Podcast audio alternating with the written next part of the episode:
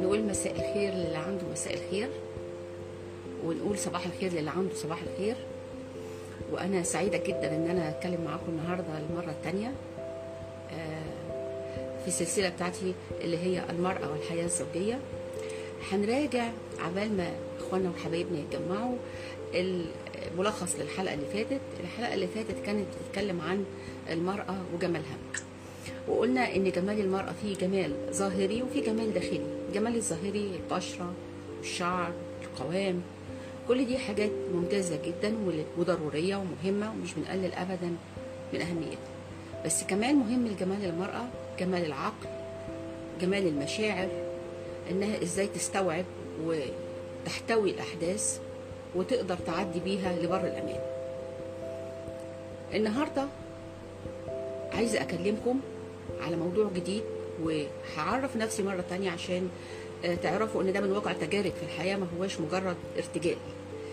فأنا دكتورة سحر عبد العال حامد استشارية في أمراض النساء والتوليد. اشتغلت فترة طويلة في الطب النفسي وكان تركيزي في الطب النفسي على مش تركيزي أنا باختياري لكن ده فعلا المجال اللي اشتغلت فيه. المشاكل الأسرية والناس في مرحلة سن المراهقة أو الطفولة المتأخرة يعني. والإدمان الحقيقة. بس النهارده أنا مش هتكلم عن موضوع الإدمان. النهارده هنتكلم في الجزء الثاني بتاعنا على إيه؟ على الحياة الزوجية إزاي ممكن تتحول فيها بشكل عنيف. الحياة السعيدة تتحول إلى جريمة. الأحلام تتحول إلى كابوس. اللي بيحصل ده سببه إيه؟ سببه السوشيال ميديا من ضمن الأسباب. إنها ممكن تضخم في الحدث أو تسهل الحدث فبالتالي بتنقل صورة كاذبة خاطئة للناس اللي عندها الاستعداد إنها تعمل الجريمة. وبالتالي بتسهل عليها بتحس إن ده أمر عادي وموجود ودي ظاهرة. الحقيقة هي مش ظاهرة ولا حاجة. اللي مخلي حد ممكن يعتقد لبعض الوقت إنها بقت ظاهرة هو إن إحنا دلوقتي بقينا بنركز آه على كل حاجة بنبروزها وبنحط تحتها خطوط كتير. فبالتالي ممكن يحصل حاجة زي الانتشار العدوى كده الفيروسية إن حد يحس إنه كان على تكة فيبدأ يدخل في مرحلة الجريمة وهو ما كانش قصده إن هو يبقى مجرم. هنوصل للموضوع بشكل أكثر بساطة. إيه اللي بيخلي حد يتحول إلى مجرم هو إنسان طبيعي؟ باختصار هو الضغط الشديد جدا. الضغط الشديد اللي ممكن يؤدي إلى الانفجار. حدي مثال مثلا الحلة البريستو حلة الضغط. لما بنيجي نفك الغطا لو فكيناه مرة واحدة بيطلع البخار مندفع ممكن يحرقنا ويعمل لنا حروق خطيرة جدا وأذى شديد. لكن معمول فيها صمام أمان بيبقى فيه مفتاح صغير كده بنفتحه الأول يبدأ البخار يطلع يقل الضغط شوية فبعد كده نقدر نتعامل معاها. الإنسان كمان كده.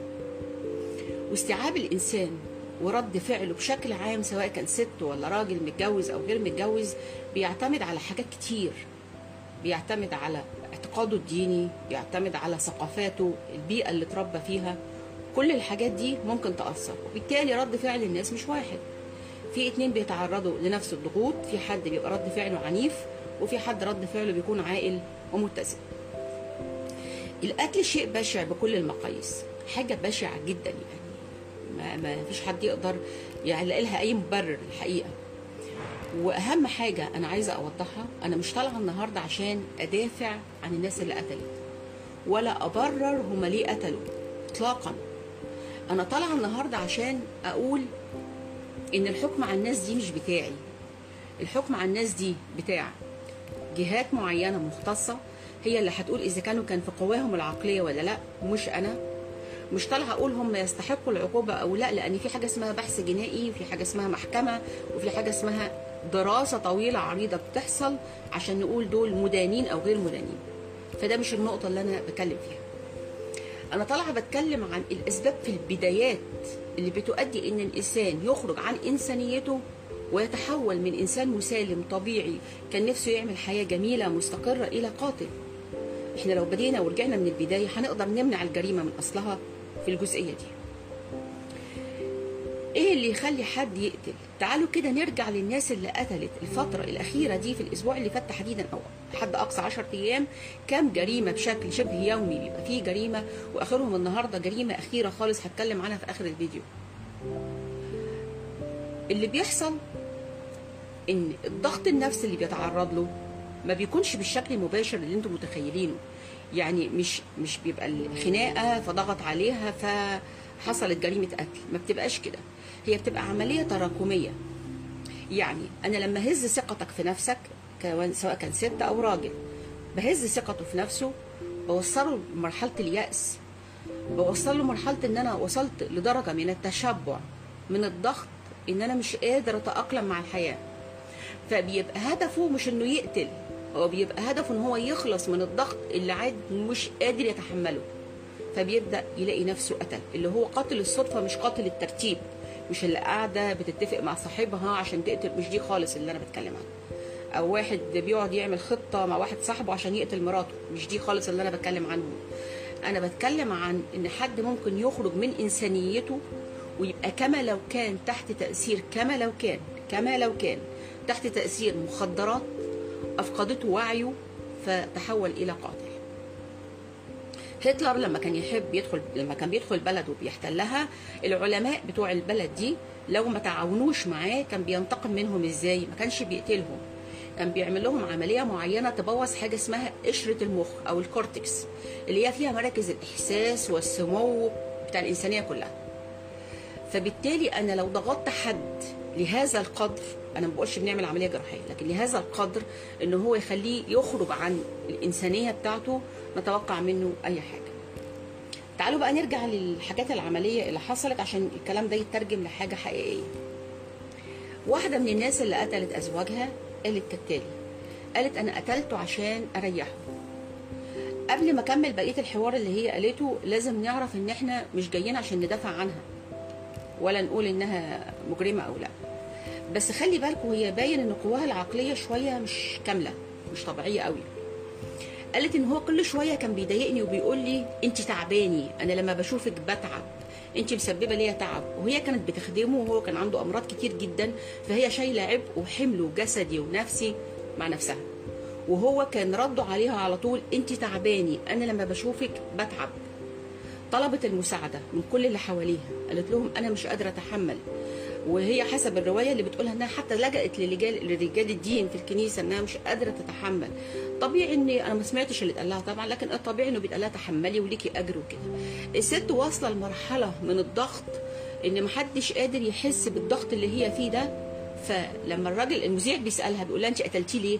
قالت عشان أريحه لأنه كل ما بيشوفني بيتعب وهو تعبان وأنا تعبانة. فالمذيع قال لها طب ما قتلتيش نفسك ليه؟ عشان تريحيه بدل ما انت تقتليه. ردت قالت له إيه؟ قالت له أنا حاولت حاولت كتير بس ما عرفتش أموت نفسي فموته أنا مش بدافع عنها لكن أنا عايزة أوصل لكم الصورة كانت عاملة إزاي. إزاي الست دي كانت تحت ضغط دائم ومستمر لدرجة إنها عايزة بقى خلاص مش قادرة أنا عايزة أرتاح أنا تعبت. نرجع لقصة تانية عشان لما أقول كلام بعد كده علمي يبقى أنتوا شايفين معايا التفاصيل. واحدة تانية اتصلت بأهلها وقالت لهم الحقوني أنا مش قادرة. ده كل ده حصل العشر أيام اللي فاتوا مش قصص قديمة. أنا مش قادرة الحقوني تعالوا خدوني. ردوا قالوا لها إيه؟ اتحملي. إحنا ما عندناش بنات بتطلق ولما حصل لقاء بعد ما جوزها قتلها تاني يوم جوزها قتلها مبدئيا يعني. يعني المكالمة دي كانت قبل ما يقتلها بساعات. ولما المذيع عمل لقاء مع والدتها وأهلها وخالتها فبيقول لها انت استنجدت بيكم ليه ما لحقتوهاش؟ قالت لهم إحنا ما عندناش بنات تتطلق أنتوا ما تعرفوش؟ بصوا الجملة إحنا تعبنا قد إيه في جهازها؟ إحنا دفعنا واتدينا ومضينا الشيكات يعني البنت بتستنجد بتقول لهم أنا مش قادرة أكمل في الحياة دي. هم كل اللي شايفينه لا إحنا دفعنا فلوس كتير إحنا ما ينفعش بعد كل اللي دفعنا فيه ده تيجي انت تقولي تطلق إحنا ما عندناش حد يتطلق. فبقت في أولوية. إن أنا بنتي تبقى اسمها مطلقة أو إن المجتمع يقول إن أنا فشلت بقت دي أولوية أكتر من ان أنا أنقذ البنت دي إن أنا أصدقها. إحنا لازم لما حد يشتكي نحترم شكوته. لما ابني أو زوجي أو زوجتي بتقول أنا تعبانة أنا مش قادرة ناخد الكلام على محمل الجد. ما ناخدوش على محمل الدلع أو محمل يستحمل وخلاص. طيب إحنا في المشاكل المفروض نعمل إيه؟ المفروض لما تحصل مشكلة ما بقولش نتطلق ونخرب البيوت. لكن هديكم مثال. واحدة جت لأهلها بتقول لهم أنا جوزي ضربني ومش عايزه أكمل معاه. نعمل إيه؟ طلقك يبقى كسر إيده وتطلقك طالما ضربك؟ لا ما قلناش كده. إحنا نقعد ونشوف إيه الموضوع؟ أنت ضربتها ليه؟ أنت اتنرفزت ليه؟ أنت ليه ما احترمتش أدميتها وعملت كده؟ لو طلع مثال إحنا بنضرب أمثلة. إنها خرجت من غير اذنه هو شارط عليها ما تخرجيش من البيت إلا لما أنا أقول لك وتاخدي إذني. هي راحت مطنشة الكلام اللي قاله وخرجت من غير اذنه فضربها تصرفه آه حيواني. تصرفه آه غير مسؤول ولازم يعاقب عليه لكن مش هنطلقهم. ليه؟ لأن هي استفزته كسرت كلامه اللي هم متفقين عليه باتفاق بينهم مسبق.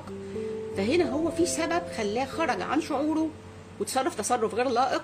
ولا يجب ان هو ما مش مبرر للضرب ولا حاجة لكن أنا عايزة أقول إن الموقف فيه فعل وفيه رد فعل في درجة من ال- اللي ممكن يخليه يخرج عن شعور.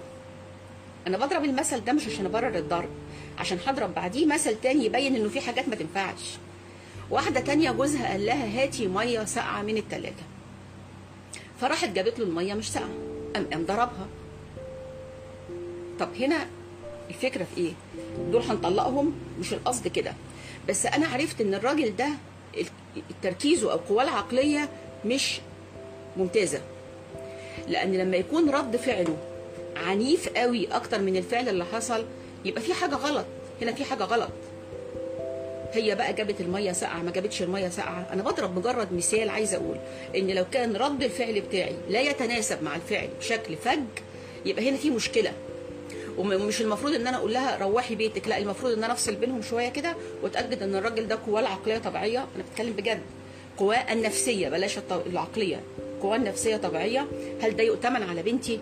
هل هي مجرد ما عملت تصرف خطأ عادي ممكن يحصل؟ يكون رد فعله عنيف؟ طب لو عملت تصرف أكبر هيكون رد فعله إزاي؟ يبقى أنا في الحالة دي لازم ألجأ لحاجة أتأكد بيها إن هو يؤتمن على بنتي قبل ما أقول لها ارجعي مرة تانية. عشان نوصل لمرحلة إن إن القتل مش مجرد بس قتل. ده مين اللي بيقتل؟ الشخص الوحيد اللي المفروض يكون هو الحماية. يعني الشخص اللي هو المفروض يكون آه، بلجأ له. الزوجة اللي بتحتمي للزوج. أو الزوجة اللي هي المفروض إن هو الراجل ده الأمان حصن الأمان بتاعها اللي بتلجأ له عشان خاطر يحميها من أي مشاكل. يبدأ يبقى هو سبب الخوف بتاعها. هو اللي ممكن يتحول إلى القاتل اللي يسلبها حياتها. ده يساوي إيه؟ بيساوي إنه في حاجة غلط حصلت إن الأطفال إن هم المفروض لما تقابلهم أي مشكلة في الحياة يلجأ لمامته وباباه يحتمي بيهم بابا وماما. يبقى الأب هو القاتل زي حادثة النهارده. يبقى الأب هو اللي بيقتل أو بيقتل أولاده أو واحدة تتفق عشان تقتل ولادها. كل الكلام ده معناه إنه في حاجة غلط. طب إحنا نعمل إيه عشان ده ما نوصلوش؟ عايزين نعمل ثلاث حاجات. أول حاجة لازم يبقى عندنا رحمة ببعض. نفهم أصل الزواج إيه. أصل الزواج أصل الزواج هو المودة والرحمة. ربنا قال كده. فلو ما بقاش فيه لا مودة ولا رحمة بقى الزواج فيه حاجة غلط. إيه هي المودة؟ المودة مش إن أنا أقعد أقول لها شعر ليل نهار وإن أقعد أقول لها بحبك طول الوقت. مش دي المودة ولا دي الرحمة. المودة يعني لما نتكلم نفهم بعض. يبقى في بينا لغة حوار. يبقى الجواز ونس. ما يبقاش كل ما نتكلم مع بعض في خناقة. كل ما نتكلم مع بعض بنفهم بعض غلط. كل ما نتكلم مع بعض الدنيا مش مظبوطة. هنا كده مفيش مودة. فممكن ما تبقاش في مودة بس تبقى في رحمة. إزاي بقى؟ يعني مفيش مودة ويبقى في رحمة. يعني أنا صحيح ما بعرفش أتفاهم مع الست دي بس تصعب عليا. طول النهار شايلة الدنيا كلها فلما تتعب أنا هشيلها وأوديها عند الدكتور وأديها علاج وأريحها. يبقى أنا هنا عندي رحمة رغم إن أنا فقدت الموده اللي هي جزء منها. أو إن أنا بتفاهم معاها وست مخها زي الفل وإحنا متفاهمين في كل حاجة بس ما بحبش أساعدها. أنا حاسه إنها بتدلع كتير وكل شوية عندها مشكلة. وهي نفس الشيء. أنا مش هاجي على نفسي وأعمل له أكلة صعبة مش هاجي على نفسه بقى وأعمل له اللي هو عايزه كله لكن بينا التفاهم وإحنا أصحاب. هنا بقى في حاجة الجواز قايم عليها. يا تفاهم يا ونس يا في رحمة بينا حتى لو إحنا عقلياتنا مش واحدة. لكن لما إحنا نتكلم مع بعض على طول في مشاكل ما بنفهمش بعض. آه، مش عارفين نتفق على رأي على طول بنتخانق حياتنا كلها خناق. آه مفيش بينا رحمة محدش بيرحم التاني ولا حد عايز يستوعب إن التاني عنده مشاكل. تيجي تقولي لي بس الطلاق هنا يا جماعة الطلاق ده الأطفال الأطفال هتتدمر. طب يا ترى مين أحسن؟ هو الطفل في الحالتين مضرور. في اتنين لما بيطلقوا الطفل بيحصل إيه؟ إن هو بيفقد الأسرة بالشكل الطبيعي حنان الأب والأم في نفس الوقت وبيحس إن هو طول الوقت وهو صغير المفروض يمشي على الحبل يرضي ماما وبابا ما- يزعلش ويرضي ماما يرضي الاثنين ومن غير ما حد في الطرف الثاني يزعل. فبيطلع عنده أكيد فقد حاجات كتير. لكن ده أحسن؟ ولا لما يلاقي الأم والأب ليل ونهار بيضربوا في بعض وليل ونهار بيشتموا في بعض وبيسبوا في بعض. ويقعد مع بنته يشتم في امها طول الوقت. وهي تقعد معاهم أبوكم أبوكم أبوكم. فيطلعوا عندهم مفيش قدوة مفيش مثل. الحياة مشوهة مفيش نموذج. فيا إما هيطلعوا زيهم واحد فيهم يبقى مفتري على التاني على الزوج أو الزوجة ايا كان بقى الطفل ده كان إيه أو إن هو يطلع كاره الموضوع كله مش عايز حياة أساسا يحس إن الجواز ده كله مشاكل. فأحيانا وليس في كل الحالات بيبقى الطلاق هو الأفضل والأصلح للأطفال. مش طالعين نقول الناس تتطلق بس أنا عايزة أقول إن الحياة لما بتكون غلط لما يكون ما فيش تفاهم وما فيش فيها مودة ولا فيها رحمة الأطفال بتتضر والأم والأب بيتضروا بيبقى عندهم أمراض وبالتالي ممكن تصل في تصل في بعض الأحيان إلى الاكتئاب. نوصل بقى للنقطة المهمة الاكتئاب. الاكتئاب ده يا جماعة لما حد يقول أنا تعبان أنا مش قادر دي مش رفاهية. لما أقول أنا عايزة أروح لدكتور نفسي أنا مش زيها زي الساحل الشمالي أنا مش رايحة أتفسح في الساحل أو رايح أعمل آه، فورمة الساحل مثلا. فنتعامل مع الاكتئاب كأنه رفاهية. أنت بتدلع اكتئاب إيه؟ ما كلنا مكتئبين. ما الدنيا مليانة بلاوي. مفيش حاجة اسمها كده. مفيش حاجة اسمها كده. ربنا ما خلقناش زي بعض. وتحملنا للمشاكل مش زي بعض. فلما حد يقول تعبان من فضلكم احترموا شكوته. لما حد يقول محتاج مساعدة من فضلكم يبقى محتاج مساعدة. ما نفترضش فيه إنه بيتدلع. الاكتئاب أخطر من الأمراض التانية أخطر من السكر ومن الضغط. إحنا لما بنيجي نعمل فحص لل- لل- للناس اللي هتتجوز بنعمل لهم فحص طبي. مش كده؟ عشان نشوف عنده مرض ولا لأ قادر على الإنجاب ولا لأ عنده سكر وضغط ولا لأ. أنا شايفة وأنا بناشد الدولة من موقعي هنا فعلا بناشدها وبقول رجاء واعتبروها مبادرة.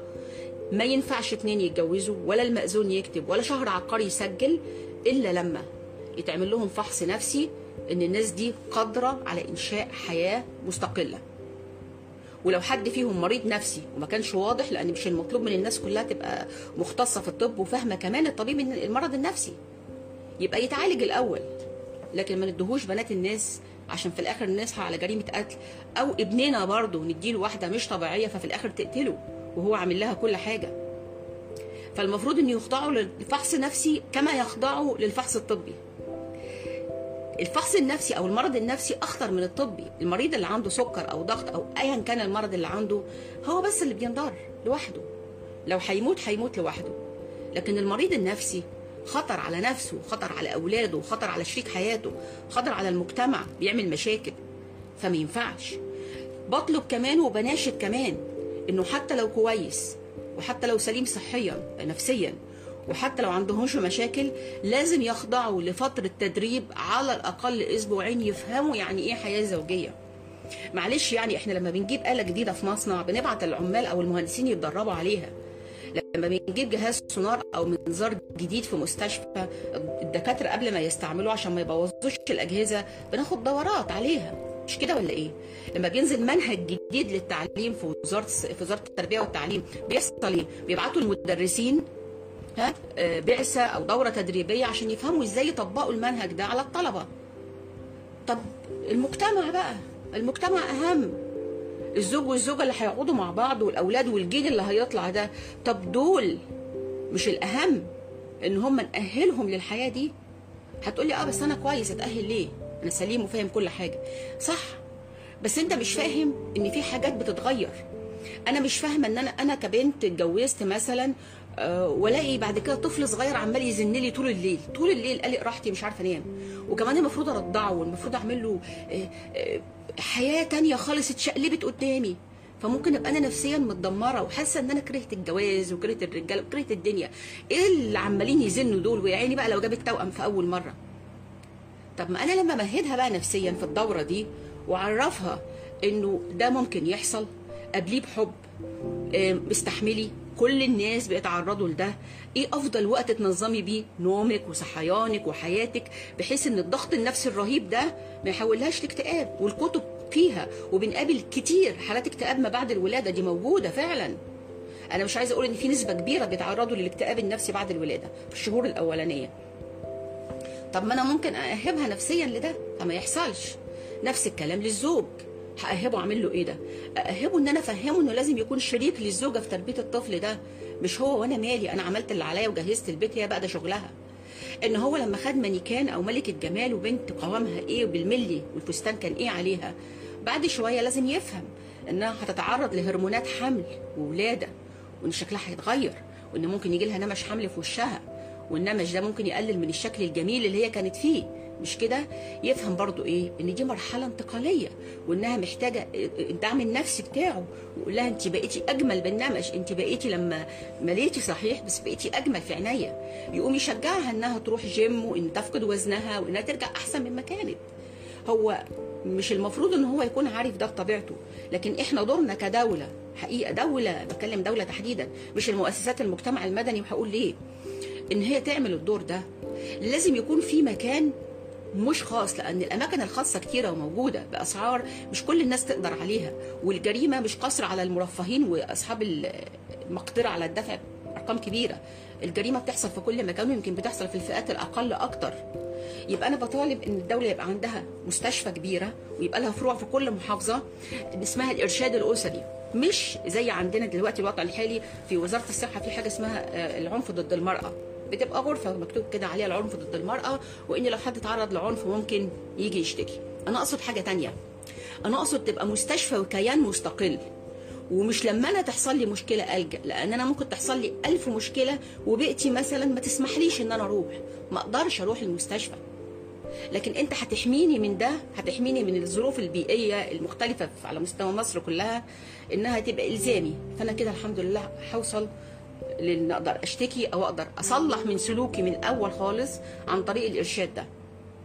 وتبقى إجبارية على جميع الناس الراغبين في الزواج زي كده فحص راغبين للزواج وياخد دورة تأهيلية وياخد شهادة إن هو يصلح إن هو يقيم بيت ويؤتمن على الحياة الحياة الزوجية. ودايما بمثل المثال ده زي يعني استجابة الناس أو تحملهم للضغط زي طالب الثانوية العامة أو الست اللي بتطلق بمعنى في ناس كتير بتفشل في الثانوية العامة. في ناس تصر وتنجح أو ناس تبدأ تشوف حياتها في حاجة تانية غير التعليم الجامعي وتنجح وتبقى ناس ناجحة جدا في المجتمع. وفي ناس بتنهار وتتعب وممكن يلجأ لأسلوب غلط لأنه حاسس إنه فشل ما قدرش يتحمل. فإحنا بالتالي استجابتنا للمشاكل مش واحدة. واحدة تانية اتطلقت. في واحدة لما تتطلق تحس خلاص الحياة بقت وحشة جدا وهي تكتئب و... وتتقوقع على نفسها وتكره الحياة. في واحدة تانية تقول لا الطلاق ده مش نهاية العالم. أنا حاسبة وجودي وحاسبة إن أنا كويسة وتبدأ تنجح في حياتها. لو عندها أولاد بتربيهم وتقدر تتجوز مرة تانية وتبدأ حياة جديدة وإيه كمان؟ وتبقى أنجح من ما كانت ولا كأنها مرت بتجربة الفشل وتاخدها خطوة تمشي لقدام. دورنا كمجتمع زي ما قلت نمرة واحد إن إحنا نحترم شكوى أولادنا نحترم شكوى أزواجنا لما نحس إن حد مش قادر نبدأ نساعده ونقول له أوكي من حقك إن أنت تشتكي وتعالج. الحاجة الثانية في أسطورة كده عندنا رهيبة سبب 50% من مشاكلنا اللي هي إيه؟ القطر فاتك البنت القطر فاتها. فلازم لما يجي لها عريس عند سن معين لازم توافق لو ما وافقتش خلاص بقت عريس قطر فاتها والدنيا باظت. ما يفوتها في 60 داهية القطر. مش عايزين القطر ده. القطر لو ما كانش صح ما تركبوش. هتفضل قاعدة على المحطة هتبقى في الأمان في وسط الناس. فمش هيجي لها أي خطر. لكن لما تركب قطر عشان بس خايفة إنه يجري النتيجة هيحصل إيه؟ هتركب قطر غلط. ولما هتركب القطر الغلط هيحصل إيه؟ هتنزل في مكان غلط. وهتبدأ حاجة من الاثنين يا إما هتقعد تركب من قطر لقطر ومن قطر لقطر وتفضل في دوامة وتفضل إما زواجات متعددة أو علاقات فاشلة وتفضل تبقى ضاعت. إحنا ضيعناها. عشان إحنا قلنا لها لازم تركبي القطر بسرعة الحقي الحقي. ما هو مش ما هو ماشي. ما هو مش هي دي الجهة اللي هي رايحاها. أو إنها تنزل في أول محطة عشان القطر ده اتأكدت إنه غلط وتكتئب وتقرر إنها مش هتسافر ومش هتروح في حتة وتتقوقع وتتحول إلى مريضة نفسية. تشبه تشبه ما بقولش إن هي ال- ال- الطفل اللي عنده توحد. مش عايزة تتفاعل مع المجتمع. لأن المجتمع بتاعنا مجتمع مع احترامي للجميع مجتمع ذكوري وعنده ازدواجية في الحكم على الأمور وازدواجية في التفكير. لأنها خلاص بقى ما هي اتطلقت. لما بنتي تقدم لها واحد متجوز قبل كده أو حتى كمان عنده أولاد وهي ما اتجوزتش نقول وماله؟ الراجل ما يعيبوش الا جيبه هو إيه يعني متجوز؟ ما هو راجل في الآخر. ونفس الأم ونفس الناس. ولو عكسنا بس الوضع هتغير بدلنا الكراسي. وجاء ابني ما اتجوزش قبل كده وبيتجوز لواحدة مطلقة أو عندها أولاد. هنقول لا أنا ابني ما اتجوزش واحدة مطلقة يتجوز واحدة مطلقة ليه؟ لا أكيد فيها عيب. هي نفسها نفس الست نفس المنطق. فإحنا مجتمع الحقيقة بيحكم على المرأة مش فاهمة بيعاقبها على إيه. بيعاقبها من أول يوم تتولد فيه. من كمية المحاذير اللي بتتحط عليها إن نفس التصرف لو عملته بقت سافله ومنحطة وأخلاقها مش كويسة ونفس التصرف لو عمله الولد بقى عادي يعني دواد ما يعمل اللي هو عايزه. وب- وبيبدأ يبقى الفروض عليها بتتحكم عليها من كلمة من لبسها من نظراتها من حركاتها من كل حاجة. والولد يعمل ما بداله يا دوبك تبدأ تفهم الدنيا كده ونبدأ نحطها تحت عملية الختان الإجبارية اللي لازم اللي هي أصلا مش مفروضة ولا ليها احتياج للمرأة خالص ونبدأ نحطها فيها. تبدأ تتجوز لازم تتجوزي ما ينفعش تتأخري. إنما الراجل ينفع يتأخر عادي يكون نفسه. إنما هي لا أنت اتأخرتي في الجواز. اتجوزتي حلو ووحش لازم لازم تكملي. عيب عليك هتبقي متطلقة. إحنا ما عندناش بنات تتطلق مفيش بنات في العيلة عندنا بتتطلق. فيا إما بقى تعيش بقايا إنسان محطمة يا إما تبقى طالعة okay مكملة قدام الناس حلوة ويقعدوا يكتبوا لبعض كمان كلام حلو يمكن على الفيس كلام شعر. بس حياتهم خربانة من جوه. أو إنها تطلع جيل مشوه. أطفال شايفين حياة فاشلة من كل النواحي بس هم ما لهمش ذنب طلعوا من الحياة. لا وهو كده الأب كده والأم كده الاثنين نكديين والاثنين مكشرين والاثنين مش طايقين بعض ومطلوب منهم يطلعوا أطفال أسوياء في المجتمع. ولما يبقى في موظفين تحت إيديهم يكونوا أسوياء مع إن هم ما كانوش شافوا حياة سوية من أي نوع.